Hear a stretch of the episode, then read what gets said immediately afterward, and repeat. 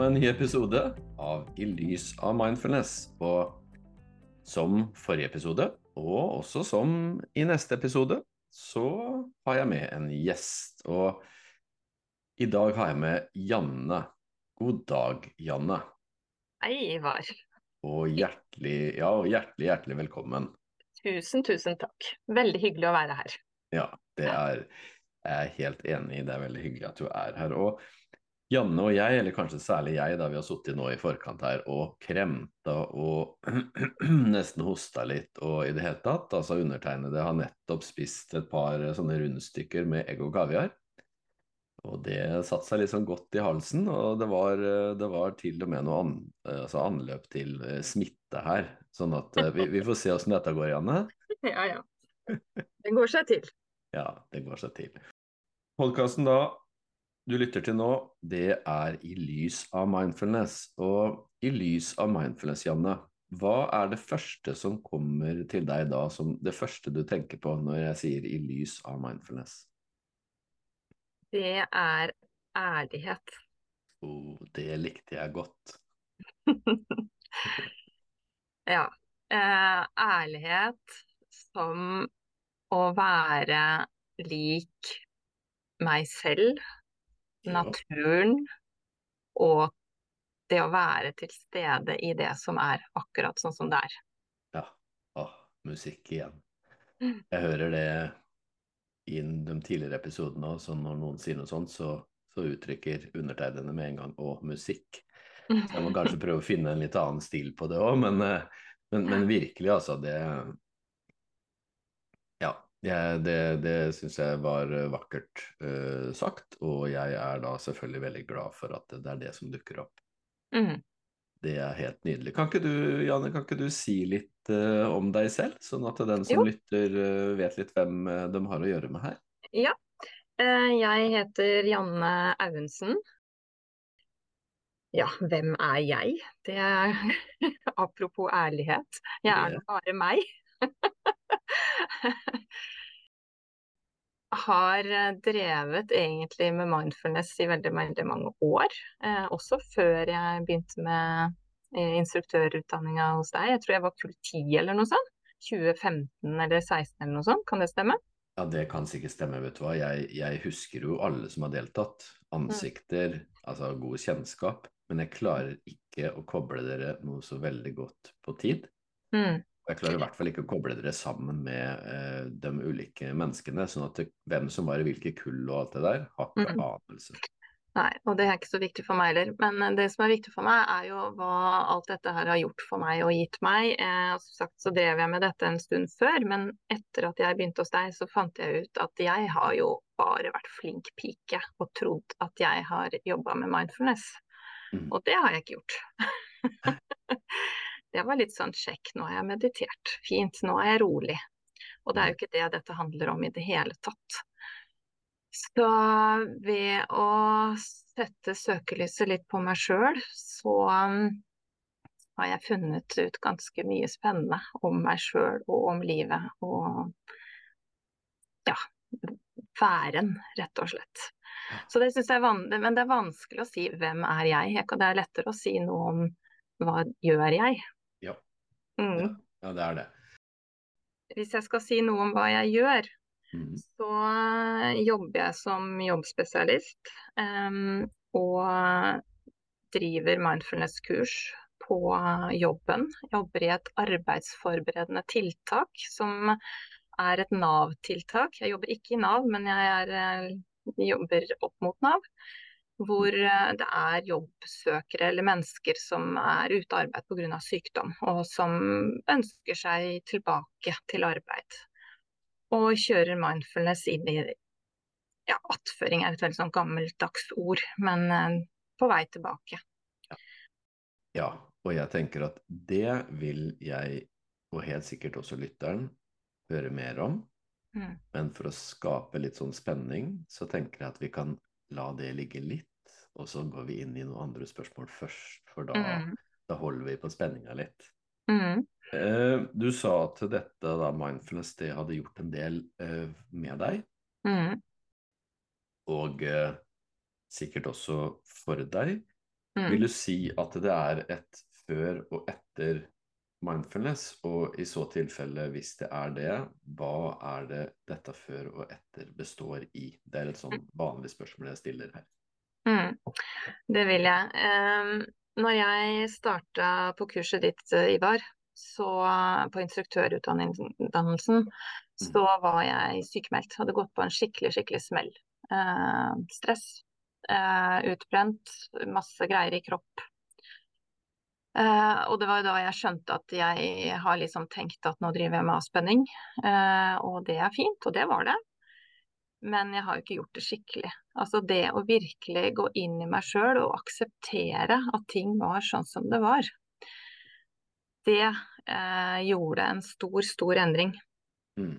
Og det å legge merke til at jeg har tanker, jeg har følelser, men jeg Mm. er ikke tanken min, og Mm. jeg er ikke følelsen min, det gjorde et så stort skille for meg, eh, som gjorde at jeg klarte å håndtere det som var på en helt annen måte. Eh, og en aksept som lå i det, for tankene kom. Og de kommer fortsatt. Ja. Men jeg klarer å Jeg vil ikke si at man har en avstand, men en tilstedeværelse hvor man er kanskje mer i å legge merke til alt det som skjer, har gjort at det er lettere å navigere i det her, og hva som er hva. Jeg husker tilbake, Janne, eh, og da husker jeg at vi hadde noen interessante samtaler om din bakgrunn. Mm. Og om din bakgrunn som eh, hvilke type tilnærminger som du i stor grad brukte, både på jobb og Mm. privat. Mm. Eh, og så tenker jeg at det der er en ørliten nyanseforskjell på det Mm. du da møtte eh, i mindfulness. Så kan ikke du fortelle litt om det, for det, det tror jeg faktisk er veldig spennende. Ja, du vil dit, ja. Ja, gjerne. Det Ja, er i lys, det er i lys av mindfulness, vet du.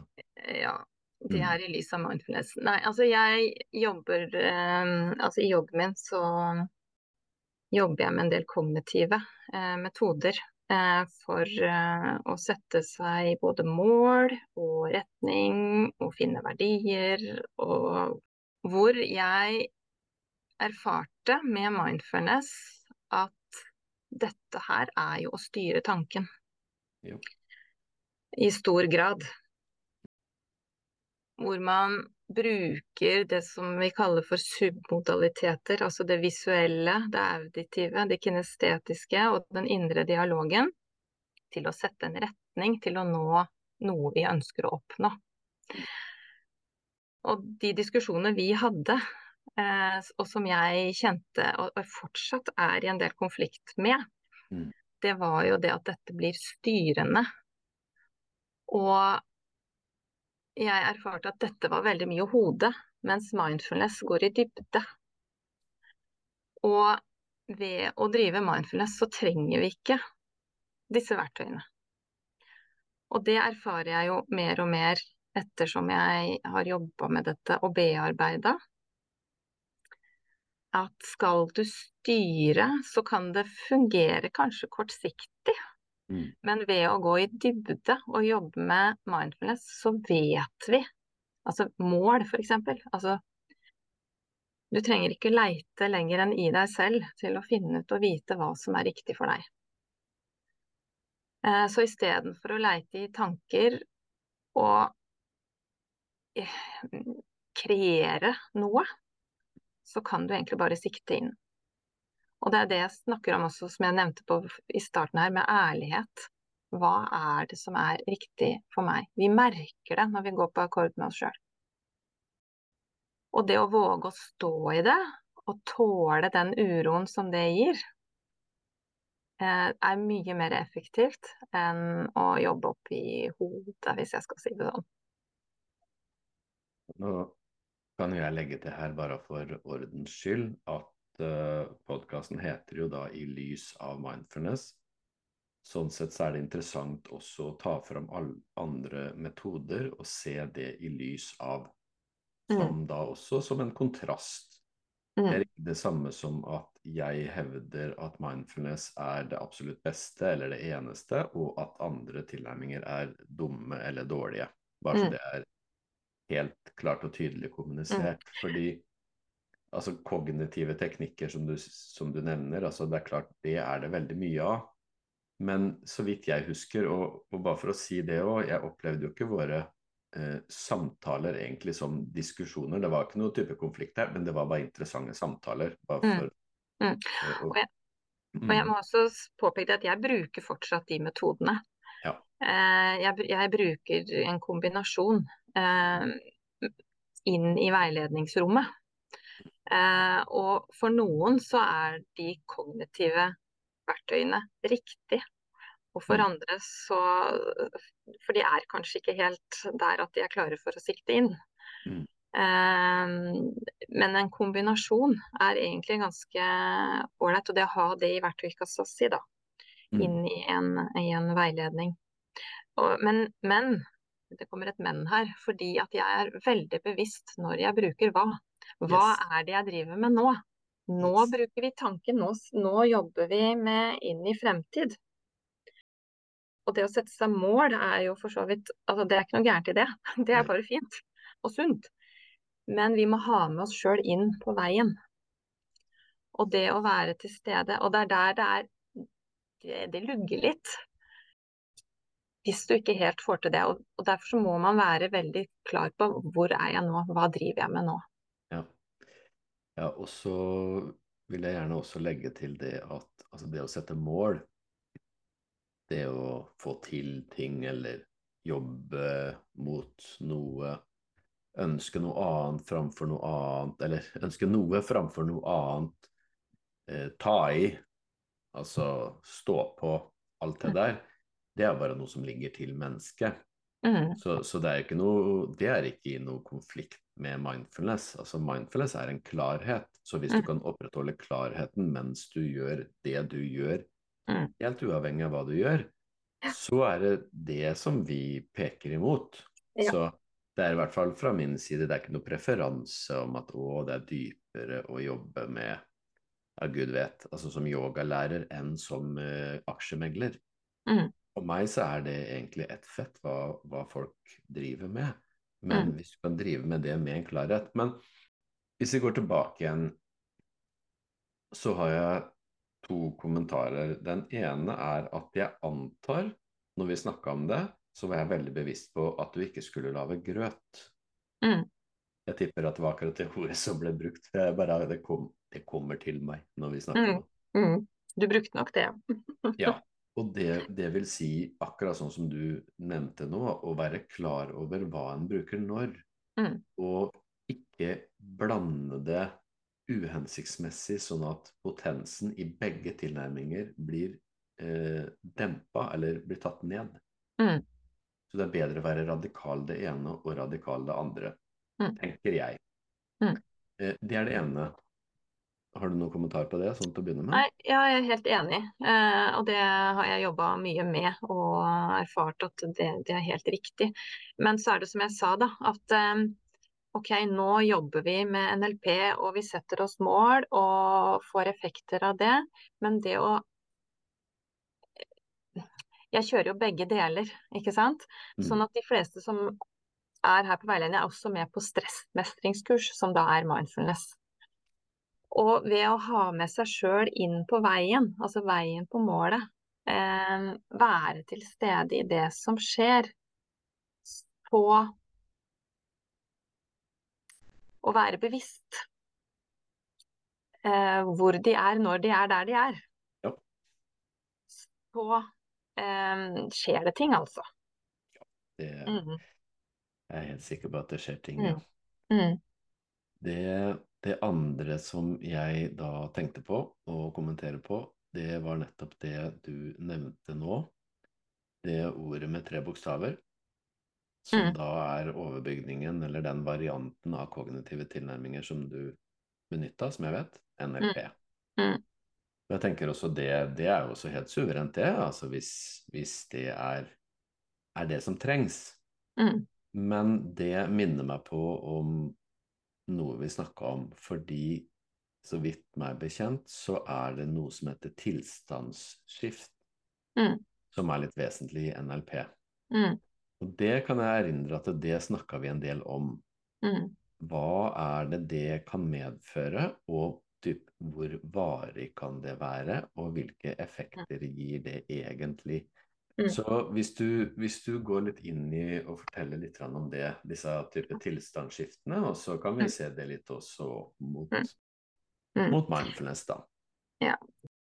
Altså, det å, altså tilstandsendring, altså det handler om å ha en hensiktsmessig tilstand når man skal inn i ulike situasjoner. Mm.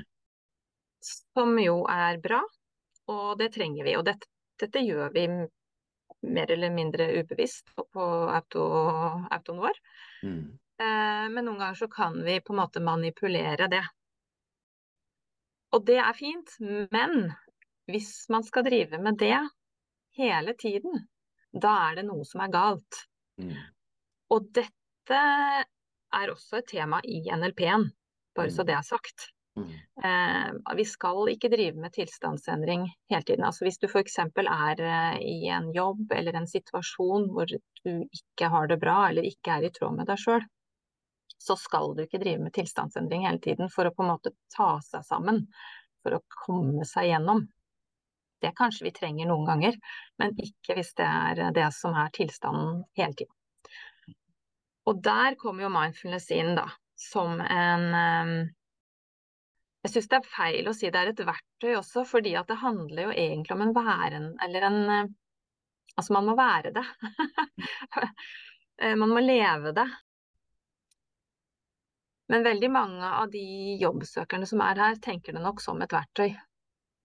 Til de kommer så langt at de er det. Men det å virkelig sikte inn og legge merke til hva er mine behov, hva er mine verdier, uten at det nødvendigvis er det du gjør, for det vil bare komme automatisk til deg når du sitter med en for en formell praksis eller en uformell praksis. Når du går i hverdagen din, og når du har gjort dette mange nok ganger, så kommer det noen innsikter som gjør at man ser mye tydeligere hva er det som egentlig er riktig for meg. Og det å få en stødig grunnmur, Mm. stå stødig i seg selv, det som bare er ditt.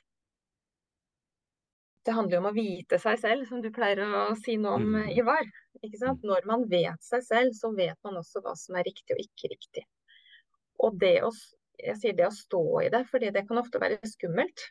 Ja. Altså det å bryte mønster, det å lage noen andre strategier, eller stå opp for seg sjøl, kan være kjempeskummelt fordi man får noen reaksjoner på utsida. Ja. Mm. Men, men ved å gjøre det, og det er Jeg er jo så heldig at uh, jeg, jeg, har ikke, jeg har ikke tall på hvor mange som har gått på kurs hos meg nå, men det er ganske mange. Og jeg, jeg blir jo vitne til dette. Jeg blir ganske ydmyk og ser på den jobben som gjøres når folk på en måte fra å være livredde, egentlig, kommer og finner denne styrken i seg sjøl. Sin egen indre autoritet, som du også har nevnt noe om noen ganger. Altså når de står trygt i seg sjøl og tåler å stå i det. Å stå opp for seg sjøl, det, er- det er magisk. ja, nå kan jo jeg si at nå, nå fikk jeg et lite innslag av ydmykhet, jeg også. Mm. Eh, og det, det er jo en del som kjenner meg fra tidligere, som vil jo tenke at det, det må jo være et halleluja-øyeblikk. Fordi det er ikke sikkert at det alltid har vært det som har vært mest framtredende. Men, Mm. men, men akkurat nå da så Bare det å kjenne på det du nå faktisk sier, Mm. eh, og det høres jo sikkert litt rart ut, men, men det å kjenne på det uten å ta det personlig, Mm. men samtidig kunne glede seg over Mm. at det er ringer i vannet, Mm. faktisk. Mm. At eh, du da med det du har med til bords for mennesker som trenger det, Mm.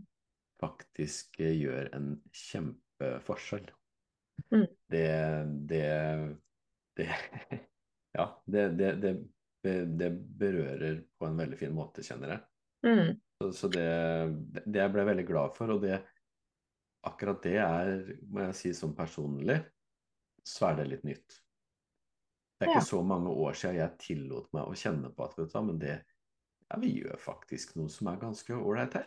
Mm. Ja, faktisk. Det går å, det går an å la det berøre en lite grann, ikke bare stålsette seg på at nei, det berører ikke meg. Nei, jeg gjør det ikke for min del. Alt det der sånn. Som en sånn beskyttelse mot uh, egentlig verden. Mm. Så det var bare en liten digresjon hvor jeg, jeg bare kjente at det, det ga stor glede. Men du har jo egentlig ikke lov å begynne å fortelle om effekten ennå, bare så det er sagt. Ja, Vi er fortsatt der hvor vi venter litt. Ok. Eh, Men, men for ikke da å forlate det med tilstandsskift helt ennå, fordi jeg syns det er interessant. Mm. Uh, og det er interessant nettopp fordi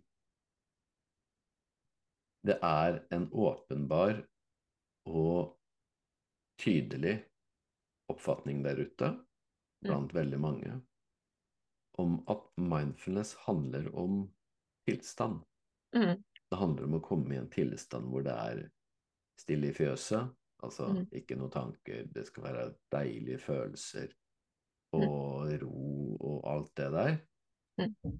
Og så er det, tror jeg, veldig kobla mot hva vi har av forventning til hva det Mm. vil si å være et menneske. Mm. Jeg tror at det er her litt mer eh, Hva skal vi kalle det? Ja, jeg kan tillate meg å kalle det det. Litt mer ekstreme varianter av, kall det gjerne, mental trening Mm. får sitt fotfeste. Veldig morsomt du sier det, fordi jeg spurte, jeg fortalte den gruppa jeg har nå, så sa Mm. jeg at det, på torsdag så skal jeg være med på en eh, Jeg har blitt invitert på en podkast. Mm. Og der har jeg fått i oppgave om eh, å trekke fram et tema Mm. å snakke om. Hva tenker dere kan være lurt å snakke om? Altså hva har mindfulness betydd for dere? Ja. Hvor en av, eller flere av tilbakemeldingene var nettopp dette med forventning. Ja. Det var forventning. Dette her er noe helt annet enn det jeg hadde forestilt meg. Mm. Eh, og jeg har vært med på kurs andre steder. Eh, både med avspenning og andre ting. Men dette her er noe helt annet, sier de. Og så spør jeg, men hva er det? Hva er dette andre? Nei, dette her er så nedpå. Eh, og det handler mye om forventning, og forventning eh, som å være ute i orkanen. Eh, det å miste meg selv. Og eh, at her er det ingenting jeg må. Eh, fordi at når jeg kommer på kurs, så forventer jeg at det er mye jeg må. Og alt det jeg gjør på kurs her, det er for meg selv. Det syns jeg var veldig interessant. Det at jeg kan være et helt menneske og være bra nok, akkurat sånn som jeg er, uten at jeg må prestere noe. Det er Ja. mye jeg kan, men det er ingenting jeg må. Ja. Og jeg hadde en forventning om noe helt annet. Kjempe. Mm. Ja, kjempe. Og akkurat den forventninga om noe annet, det er litt den som ikke jeg vil til livs, for at det, det ville være en altfor stor oppgave. Mm. Da må man bare løpe rundt og, og slå folk i huet hele tida, altså allmennmøter. Mm. Men, men det å i hvert fall kunne framføre et alternativ Mm. som, som forhåpentligvis da peker litt i retning av hva er vi? Mm. Ja. Jeg har bare lyst til å si noe, Ivar. Um, Mitt første møte med deg, det vet ikke du, men det var i 2010. Ja. Uh, da var jeg på et foredrag på en attføringsmesse, som det het den gangen. Mm. Uh, hvor du, jeg tror du akkurat hadde gitt ut boka di om Arkanens øye. Hva- Ja. Kan det stemme at det var 2010? ja, Eller noe sånt? Ja. Ja. Eh, og da står du på scenen, og så sier du at ehm, ja, hei, sånn og sånn, jeg skal snakke om det og det. Eh, jeg vet ikke hvordan det blir. Det blir som det blir. jeg har forberedt meg, men jeg har ikke med meg noe. Og for meg så var det et veldig stort skifte. Det å bare kunne stå helt fritt, være forberedt, vet på en måte hva jeg skal snakke om, men ikke sånn detalj. De har ikke pugga noe, eller ikke sant. Og så står du der og har forska på eh, jagerflypiloter, toppidretts, altså fotball. Eh, jobber med le nå, da, seinere, altså med ledere. Og det for, for, meg så ble det også et vendepunkt, skjønner du. Mm. Fordi jeg tenker her står det en mann i dress og snakker om disse tingene her. Så det bryter jo med mine forventninger om mindfulness. Ja. Fordi at dette er jo nettopp for alle. Og det er ikke sånn at dette er noe mystisk eller spesielt eller um, alternativt eller Ikke sant. Det er bare rett og slett det å være i tråd med seg sjøl. Og det møter jeg jo hver gang jeg starter opp nye kurs, så møter jeg akkurat det samme i deltakerne våre. Og jeg forteller gjerne den historien om deg, mm. uten at du vet det. og, og bruker mye av det du sa den gangen inn eh, for å, å legge det litt sånn Altså drepe noen myter, da om at dette er noe veldig svevende alternative greier. Mm. For jeg tenker jo at det er snarere tvert imot. Ja. Mm. Ja, det, jeg vil jo påstå at en del av disse nye tilnærmingene, det er jo det som er alternativ. Mm. Altså Det greiene her har jo mennesker holdt på med til uh, alle tider. Altså veldig mm. mange, mange år. Altså mm. tusenvis av år. Uh, ja, jeg kan jo kommentere litt på det, Janne, fordi mitt virke har i veldig, veldig mange år bestått av å nettopp uh, motvirke forventninger og misoppfatninger av hva mindfulness er. Mm. Og det har ført til at jeg har vært veldig nøye på hvordan kommunisere det. Mm. Så alt kommuniserer. Så den dagen hvor du var på Gardermoen, mm. Mm, og hvor det var mange i salen ja. Jeg eh, husker ikke hvor mange, men det var veldig mange. Det var sikkert, så, eh, ja. Ja, Den dagen så hadde jeg da, eh, før jeg skulle holde foredraget, så drev jeg og fløy fram og tilbake fra bilen. Og det var type 15 minus ute, tror jeg. Og jeg fløy fram og tilbake fra bilen med esker med bøker, for jeg tenkte her, her, her selger jeg mye bøker. Ja. ja. Jeg kjøpte tre. ja, det er veldig, veldig bra, Janne. Sånn skal det være. Ja. men, men, da fløy jeg fram og tilbake og hadde på meg en kjempetjukk eh, dunjakke. Og ingen visste jo hvem jeg var. altså Det ville jo ingen gjøre uansett, altså. Men ingen visste at jeg skulle holde noe foredrag, for jeg så ut som en gærning som bare løp fram og tilbake i en kjempetjukk eh, dunjakke. Men når jeg var ferdig med det, så var jeg ferdig svetta. Mm. Fordi hver gang jeg kom inn, så var det dritvarmt, og kom ut, så var det kaldt. Men den var så tjukk at jeg hadde blitt svett hvis jeg hadde holdt på sånn ute òg. Så da var jeg ferdig svetta. Og for dem som hører på det her, som kanskje kan tenke at det er litt skummelt å holde foredrag og sånn, så ja, det er det eh, for en del mennesker. Altså foran mange mennesker, så er det det. Men en av de tingene som du assosierer med stress og nervøsitet, det er svette. Mm. Det var ikke noe problem, for at jeg var ferdig svetta. Så det var ikke sånn at jeg kjente at nå er du svett når du sto oppi der. Det er hjerterytme. Ja, det er ikke sånn at den hjerterytmen der varte hele dagen, men hjerterytmen hadde vært oppe. Eh, spenninger og sånn, ikke sant? det kjente jeg ikke, for kroppen var jo i gang. Så det var egentlig en veldig hensiktsmessig måte å motvirke nervøsitet. Mm. Det, det, var egentlig veldig bra. Men så har jeg da en annen fordel, eller et par andre fordeler. Det ene er at ja, jeg kan ta på meg en dressjakke, og det vet jeg at det motvirker en effekt som hadde blitt helt annen hvis jeg hadde kommet der i en jeg vet ikke hva som er eh, i rull, eller altså et eller annet som så veldig soft ut, da. Ja. I tillegg så har jeg den fordelen at jeg er fra Fredrikstad. Og det har jeg brukt så veldig bevisst. Begynner gjerne sånn her Halla! Fordi det er litt sånn rart. Hæ? Hva er det her for noe? En cal fra Fredrikstad som skal stå her og preke om uh, mindfulness. Mm. Og så er det da et triks som ikke rent sjelden har blitt benytta, og det er ok, mindfulness, det er jo noe rare greier, syns mange. Enkelte tenker at det er absolutt ikke noe for meg, eller ikke enkelte, mange. Og det er sikkert dere i salen og mange av dere tenker at dette er absolutt ikke noe for meg. Altså den gjengen der er ikke jeg med i, altså. Mm. Det kan du bare hoppe og Ja, det må lenger ut på, på jordet med. For at jeg mener røkelse ut av øra og lilla skjerf og rosa og alt det der sånn. Det er ikke noe for meg. Så jeg ber dem gjerne rekke opp handa, Dere i salen her som tenker at det der mindfulness-greiene, det er ikke noe for meg. Og da rekker de opp handa. Og så er da det neste spørsmålet eh, Men hva med tilstedeværelse?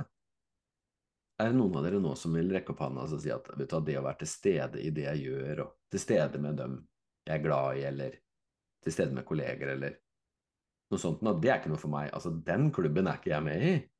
Og da er det jo ingen som rekker opp hånda. Så sier jeg vet du hva, det er jo det samme. Bare at det ene har fått masse konnotasjoner ved seg, som gjør at nei, vet du, det der, altså, det er ikke noe for meg. Og det ligger da i en forventning om hva dette er. Og det er greit nok at en del, ja, hovedsakelig mannfolk, ordentlige mannfolk, syns at det her er bare noe tull. Men det andre syns jeg er like krevende. Og det er at veldig mange adopterer en oppfatning som egentlig bare er en videreføring av hva de anser et menneske for å være, og et menneskeliv. Mm. De anser et menneske for å være emosjonene og tankene. Og hvis et menneske anses å være det, ja, men da vil de gjerne ha gode emosjoner og positive tanker. Mm. Ok, og så tar du det ett hakk videre og så stiller du spørsmålet hva er et menneskeliv? Jo, det er oppoverbakke. Og det er ikke oppoverbakke som at det er eh, tungt å gå oppover. Det er en kurve som går oppover fra bra til bedre. Og de har en forventning om at det skal fortsette å bli bedre og bedre. Så hovedsakelig så tenker jeg at de to slått sammen, det illustrerer at vi har et syn på viktigheten av at vi skal ha det bra. Mm. Og hvis ikke jeg har det bra, da har jeg det dårlig, og det er ikke et godt liv. Og da kommer vi tilbake til det med tilstandsskift. Jeg vil mm. gjerne ha med den der at det er jo veldig lett å selge. Mm. Det sier seg sjøl, altså det er jo det folk vil ha. Mm. Det jeg driver med, det er ikke så lett å selge, for å si det sånn, for det er jo ikke det folk vil ha. Og hvis de vil ha det, så vil de gjerne ha den glorifiserte versjonen som handler om å komme inn i gode tilstander. Mm. Og det er interessant sånne instruktørdans nå. Så I starten der så er det jo en liten runde på det, kan jeg si. Ja. Men den derre mer utrerte formen for mental trening, da, med mm. tilstandsskift For meg så er den illustrert ved en kompis av meg.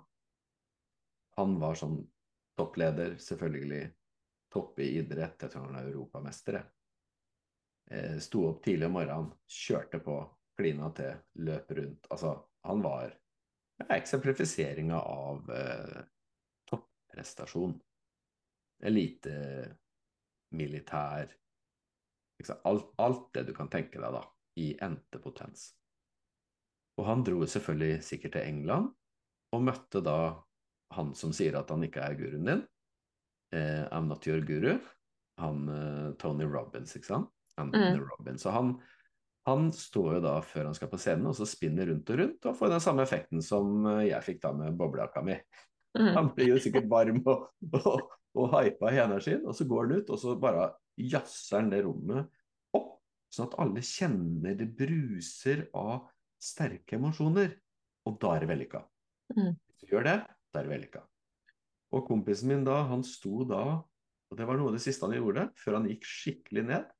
Han sto da og peka inn i speilet, sikkert klokka halv fem om morgenen. You can do it. You can do it. For det hadde han sikkert fått beskjed om, ikke sant? Mm.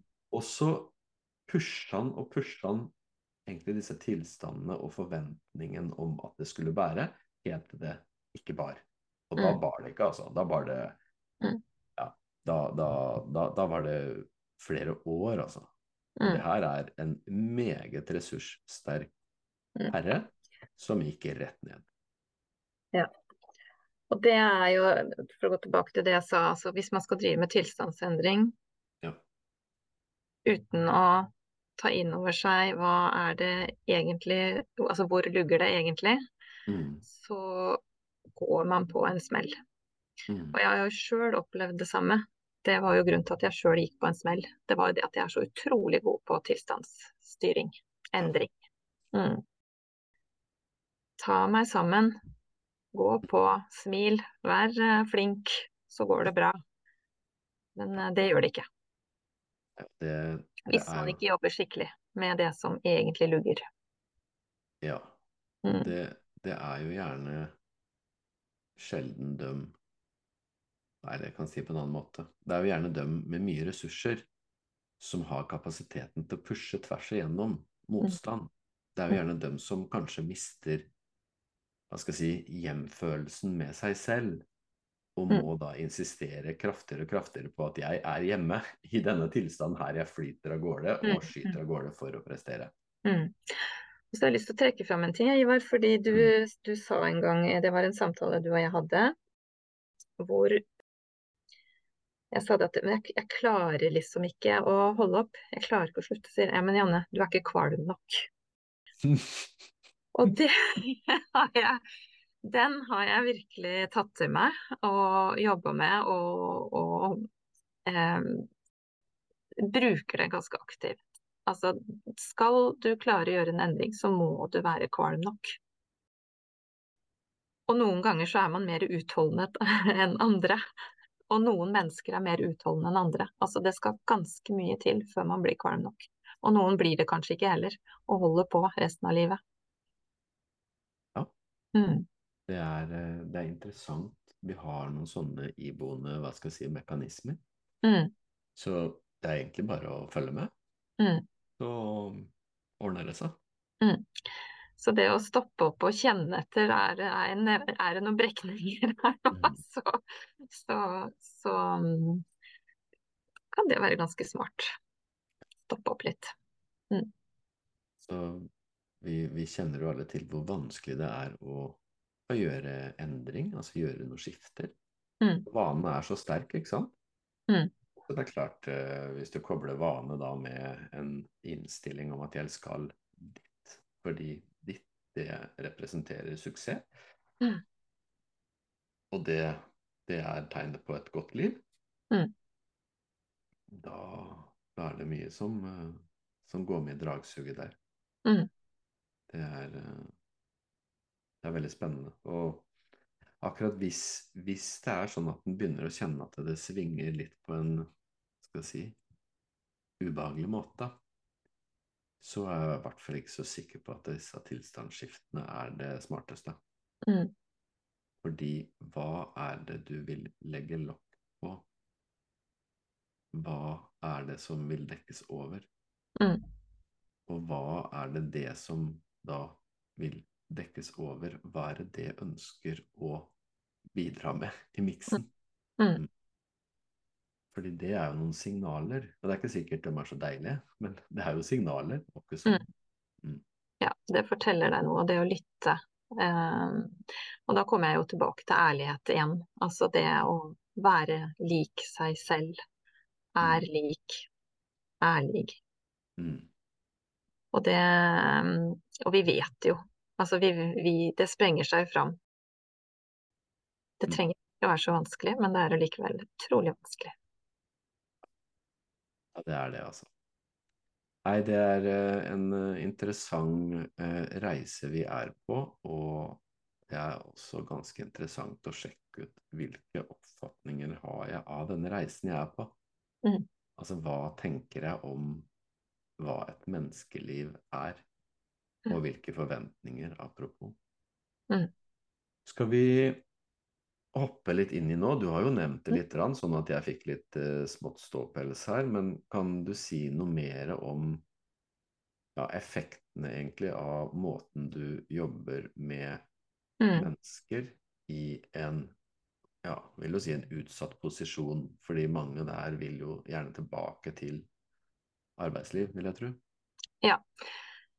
Uh, ja, det er, jo, det er jo litt sammen, sammensatt um, gruppe som er hos meg. Um, fellesnevneren er jo at alle er der pga. Uh, helseutfordringer, altså fysisk, psykisk helse. Uh, veldig mange har gått på en smell. Og det jeg ser av effekt, eller de tilbakemeldingene jeg får, det er um, Hva skal jeg si det handler, det handler, jo mye med sikkert også min tilnærming til det, hvor vi har veldig mye refleksjon. Og jeg starter med å si noe om min egen reise inn i mindfulness. Og det gjør at folk slapper av litt. Så jeg er jo helt ærlig på at jeg, jeg var på en skikkelig smell og dreiv og holdt på. Jeg jeg tror jeg var pasienten fra helvete. Jeg tror jeg nevnte det for legen, for jeg hadde jo ikke tid til å være syk. Så jeg bare gønna på og skulle bli bra, og, og, var på legen. Da må vi prøve det, og vi må prøve det, og vi må prøve det.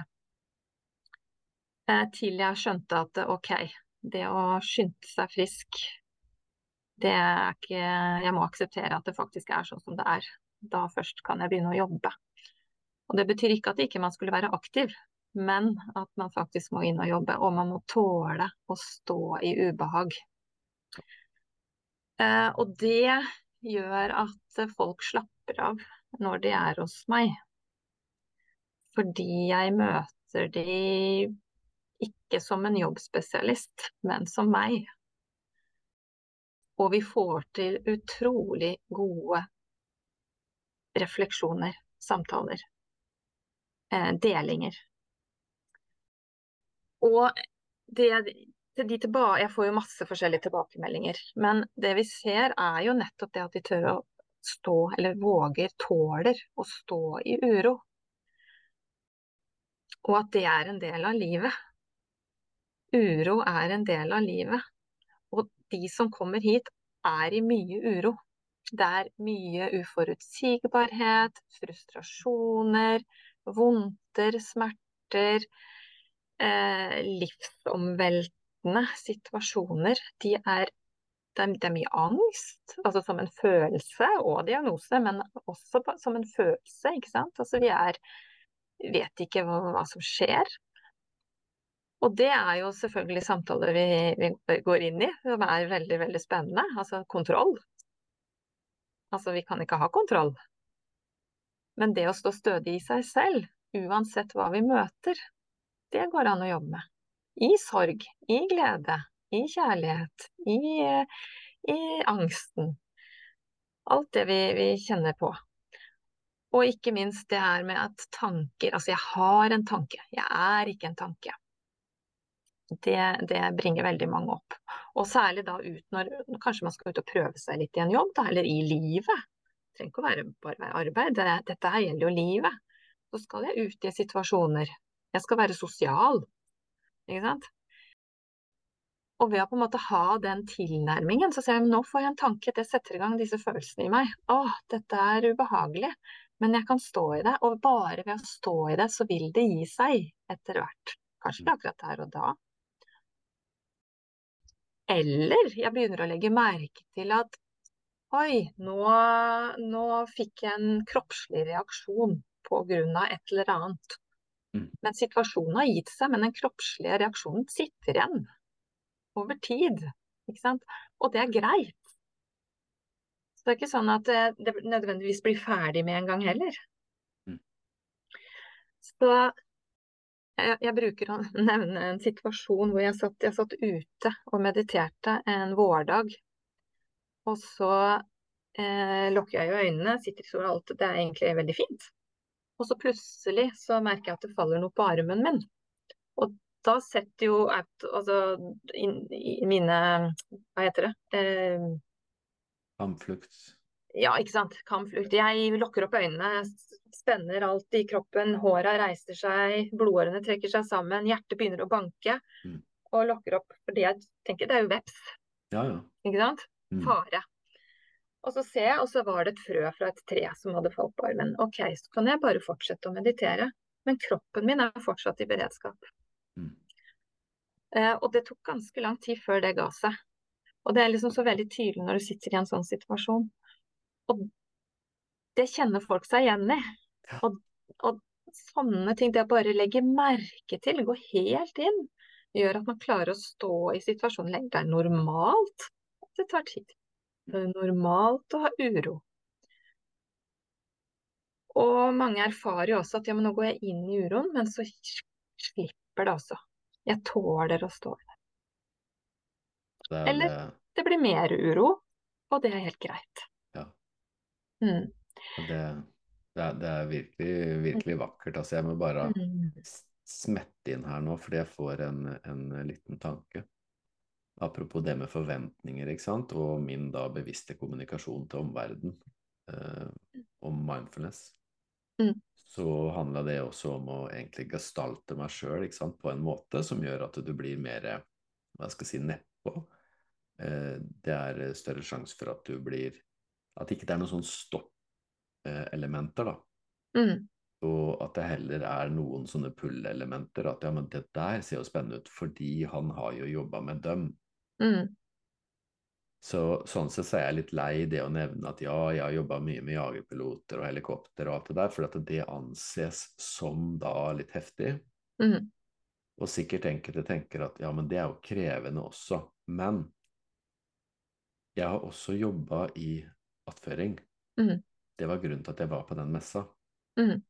Og jeg vet ikke akkurat hvilke type mennesker du jobber med nå, men jeg kan si der jeg var, så var det jo veldig mange ulike Altså det var ulike diagnoser.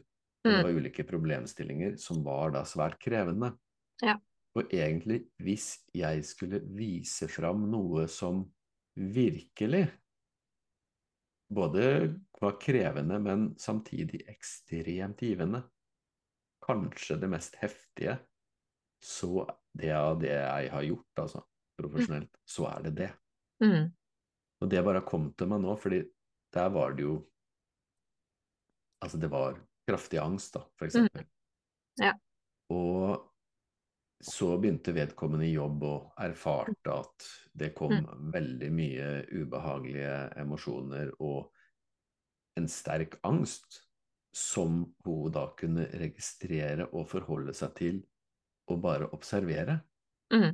Fra da å være på samling én omtrent liggende med huet under bordet, Mm. til det. Altså det er en så enorm transformasjon. Mm. Og det var veldig interessant, fordi den gjengen, etter at vi hadde holdt på relativt lenge, så hadde vi en type avslutning, tror jeg, hvor alle sammen satt og mediterte i full stillhet i 45 minutter. Her var det enorme utfordringer med å lukke øya. Altså, så Mm. det er sikkert flere av dere som lytter òg, som kanskje syns det er litt krevende å sitte og meditere uten musikk eller lyd, eller altså bare i stillhet i 10 minutter, 20, 30, men 45 minutter med et utgangspunkt hvor det å lukke øya er vanskelig. Mm. Da snakker vi utvikling, altså. Det er helt fantastisk. Så dere i Sarpsborg, dere vet hvem dere er hvis dere lytter på denne her. Ja. Eh, jeg vet ikke hva jeg skal si, men eh, det er eh, jubel i meg i hvert fall når jeg prøver å finne det ordet jeg skal si. Så det var helt, helt fantastisk. Mm. Mm. Ja, det er helt fantastisk. Og eh, det gjøres det så mye godt, grundig arbeid. Jeg kan ikke kalle det arbeid, vet du. Altså, det, det- skjer så mye um, hvor folk blir kjent med seg sjøl. Våger å være seg sjøl. Stå stødig. Som gjør at uh, uansett om det går mot jobb eller andre ting som gir så, så mye skal det livskvalitet eller glede. Altså, det å bare få lov å være, være natur, finne en annen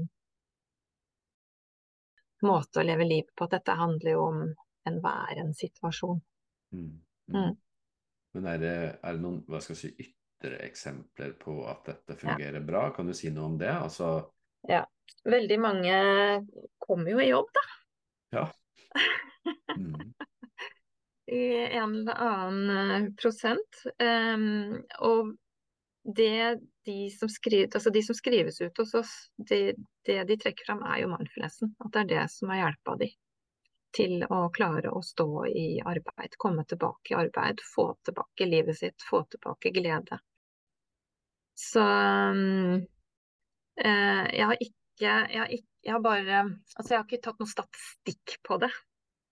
Men alle som har vært med på kurset, sier at det er det som har vært nøkkelen rett og slett. Og eh, veldig mange er jo i en type sånn arbeidspraksis eller hospitering for å finne ut både i ulike bransjer eller ulike um, stillingsstørrelser.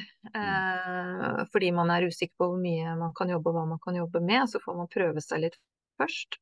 Og det er som du sier, det er angst, det er traumer, det er um, det kan være overgrepssituasjoner. Altså det å lukke øynene kan være kjempeskummelt, ja. Det å tenke på kroppen sin, altså hvis vi skal gjøre en kroppsskanning, altså det å, å, legge merke til kropp, kan være tøft for mange. Eh, men når de kommer ut der i møter, og hvordan de tar det de opplever som utfordringer, møter de på en mye mer hensiktsmessig måte. Og vi kan også ta det inn og ha samtaler og veiledning i etterkant, hvor vi, vi trekker fram ja, men hva, hvordan, hvordan møter du dette med mindfulness? Mm. Ja. Så, så, det er der det blir på en måte et verktøy, da, hvis man skal kalle det det, inn i praktiske situasjoner. Ja, mm. det er helt, helt mm. nydelig. Eh, et retor... Ja? Nei, jeg har bare lyst til å trekke jeg, jeg, kjenner jo veldig igjen det. Altså, jeg har jo hatt jeg, jeg, jo, jeg har jo taushetsplikt, så jeg kan ikke nevne enkeltpersoner. Men jeg har jo hatt mennesker som har vært helt isolert i, i tiår, altså. Eh, som eh, liksom nesten ikke hjemmet har vært trygt. Som begynner å jobbe med dette her, og som er skrevet ut 100% arbeid. Og det mm. er jo helt uh, Ja. Helt Det er ikke ord. Nei. Mm. Eh, hvis du hadde lest bøker om mindfulness, kunne du ha gjort det du da har gjort eh, der, i disse kursene? Altså hvis det hadde vært eh, bakgrunnen din? Nei. Det var et veldig retorisk spørsmål, selvfølgelig. ja. så, så, så, svaret er for så vidt gitt, men det jeg peker mot, eh, hvor viktig er din Mm. Fordi du sa noe om at du har holdt på med mindfulness også mye før. Mm. Men hvor viktig er din egen dype erfaring med en prosess hvor du har gått inn og kjent på hvordan en slik tilnærming virker i deg som menneske? Det tror jeg er eh, det viktigste. Mm. Altså, jeg, jeg, tror ikke jeg kunne gjort det samme til å lese meg, altså teoretisk til Det ville merkes. Det ville folk kjent. Ja. Mm. Så det å leve det, være det, bruke seg selv inn i det, altså være givende, da, kan jeg si det sånn. Altså det å gi uten Altså ikke gi som at dette, dette er krevende og eh, og at man bruker mye energi på det. Altså, jeg, jeg, kjenner ikke det når jeg står og holder kurs, at dette bruker jeg masse energi på. Altså, jeg kan godt bare gå inn i rommet, og jeg har ofte en agenda, men den blir jo ikke sånn fordi det dukker opp ting underveis, og da er det det vi tar. Det er det også flere som trekker opp, at det er faktisk tid og rom til refleksjon, og vi tar ting når det kommer. Så, så selv om jeg har en plan og en agenda, så den, sånn blir det aldri. Så jeg tror nok at det å bare være sammen i rommet ja. og, og, flyte med er veldig, veldig viktig. Og det handler ikke om en streben eller å være flink eller å prestere noe som helst, men at vi faktisk får bare lov til å være sammen. Og det å meditere sammen også, eh, med alt det som dukker opp eh, underveis. Eller delinger i etterkant. Mm. Hva, når, når, du sier givende, mm. hva, hva legger du i det? Da tenker jeg nok også på ærlighet. Mm. At man gir Man gir av seg selv uten å gi av seg Altså ved væren, kan jeg si det sånn? Det kan du. At jeg kan stå stødig i meg, også når jeg er usikker. Altså å, vise det. Vise sårbarhet, vise styrke, vise glede, vise altså det som er. Eh, og i den derre ydmykheten i relasjon som skjer i rommet, i alle de relasjonene som er i rommet, altså vi-et, da, i, i rommet. Og den ærligheten som kommer i det mellommenneskelige er givende i seg selv.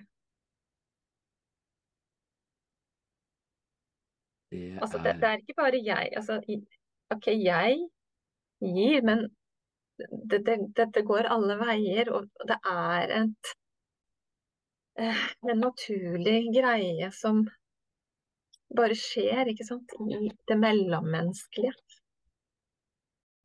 Det er det er jo akkurat sånn. Mm. Og det du peker på nå, eller måten du sier det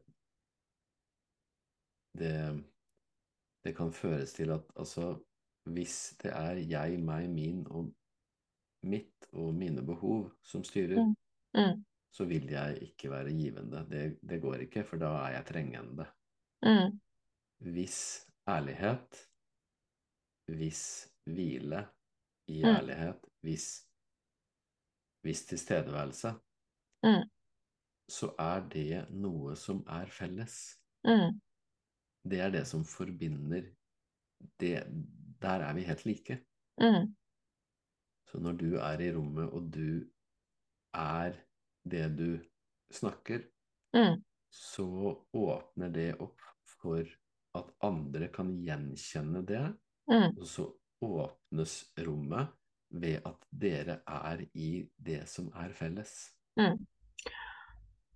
Og det her er helt altså, fantastisk og dypt, og samtidig helt allmennmenneskelig, uavhengig av posisjon eller problem du står i, eller situasjon, osv. Så, mm. så det å Når du sier at ja, givende, så sier du det litt sånn i forbifarten, men jeg vil gjerne dvele ved det, fordi hvis du kan gå rett inn i rommet, og du er der med ærlighet, mm. da tapper ikke det deg. Mm. Nei. Det gjør ikke det? Nei. Nei. Og da er jo det givende, fordi mm. den naturen i seg selv mm. er givende. Altså natur er givende. Se ut gjennom vinduet. Det treet som står der, som nå snart mister bladene sine, ja, det er givende. Det står ikke å niholde på blad. Nei, det er mitt, mitt blad. Det gir villig Ja, men det her er seriøst. Altså, det, det tre, det gir villig sitt blad mm. til jord, sånn at det kan delta. Så mm. det gir egentlig sitt liv til helheten. Mm. Og det er jo helt halleluja. Det er mm. eh, fantastisk. Og at det kan oppstå i et rom via det at du har kjent på hva ærlighet faktisk er. Mm. Ja, det er helt fantastisk. Ja, det, ja, det er, det er eh, Ja, det, nå, nå, nå, nå, prater vi jo litt inni her om, om det her, altså, men jeg er ganske sikker på at dere som lytter nå, altså faktisk Ja. altså hører, hører det som blir sagt. Det er eh, Ja, det er eh, helt, helt nydelig, altså. Så det er nesten så jeg bare har lyst til å, å hva skal jeg si, kose med den eh, gleden over det her og bare seile inn i, i, solnedgangen. Men det skal vi ikke, for vi har noe annet på agendaen også. Fordi du har også, som andre gjester, med et tema. Det kan hende du har berørt det litt allerede, det vet ikke jeg. Mm, mm. Jeg vet da som vanlig ikke om hva temaet er, fordi da blir det spennende for meg også. Ja, men det er jo dette vi har snakket om, Ivar. Det er ærlighet som jeg hadde ja. lyst til å ta opp, eh, rett og slett. Mm. Eh, så jeg tenker at det er jo egentlig det vi har berørt hele veien. Eh, for jeg tror det er eh, den, for meg i hvert fall, den store endringen og nøkkelen, og det er det tilstedeværelse betyr for meg. Altså hvis jeg kan være ærlig med meg, stå, da står jeg stødig i meg sjøl, i alt det jeg møter, og i relasjoner til andre, og det som skjer på det mellommenneskelige. Mm. Og hvor vi er i flyt ja. sammen. Mm. Mm. Så i hvert fall sånn som jeg har det nå, så er det til syvende og sist der jeg er. Ja. I, i, og som jeg har med meg egentlig i alt jeg gjør og som jeg, jeg jobber med å, mm. å være. Mm. Så ærlighet, da, bare for å, for å, si litt om det igjen. Eh, mm. Det kommer nok som tema fra flere, vil jeg tro. Mm. Og det må det jo veldig gjerne gjøre. Mm. Og hver gang ærlighet kommer som tema, så setter vi kryss i taket. Mm. eh, for mm. altså, når du sier at ærlighet altså det er meg selv. Mm. Og så sier du samtidig at ærlighet, ja, men det er tilstedeværelse. Mm. Ja, fordi ærlighet legger ikke noe til, mm. eller trekker ikke noe fra. Mm. Og hvis du møter verden uten å legge noe til, eller trekke noe fra, ja, men da møter du med klarhet. Mm. Og det er da tilstedeværelse. Mm. Men den andre siden av saken er at når ærlighet er det som er framme i meg, eller når jeg lever i og med ærlighet, ja, men da er jeg meg selv. Mm. I det så ligger det at ja, men da er meg selv noe som er villig til å gi. Mm. Ikke bare villig, men det er givende i seg selv. Mens ofte, dessverre, så blir det å være seg selv Det blir at jeg skal få det som jeg vil, eller jeg skal få mine behov dekka. Mm. Men det er det som er essensen i å være givende. Det er at da har du en følelse av å være full i deg selv. Mm. Og ærlighet bidrar med den følelsen av fylde. Mm.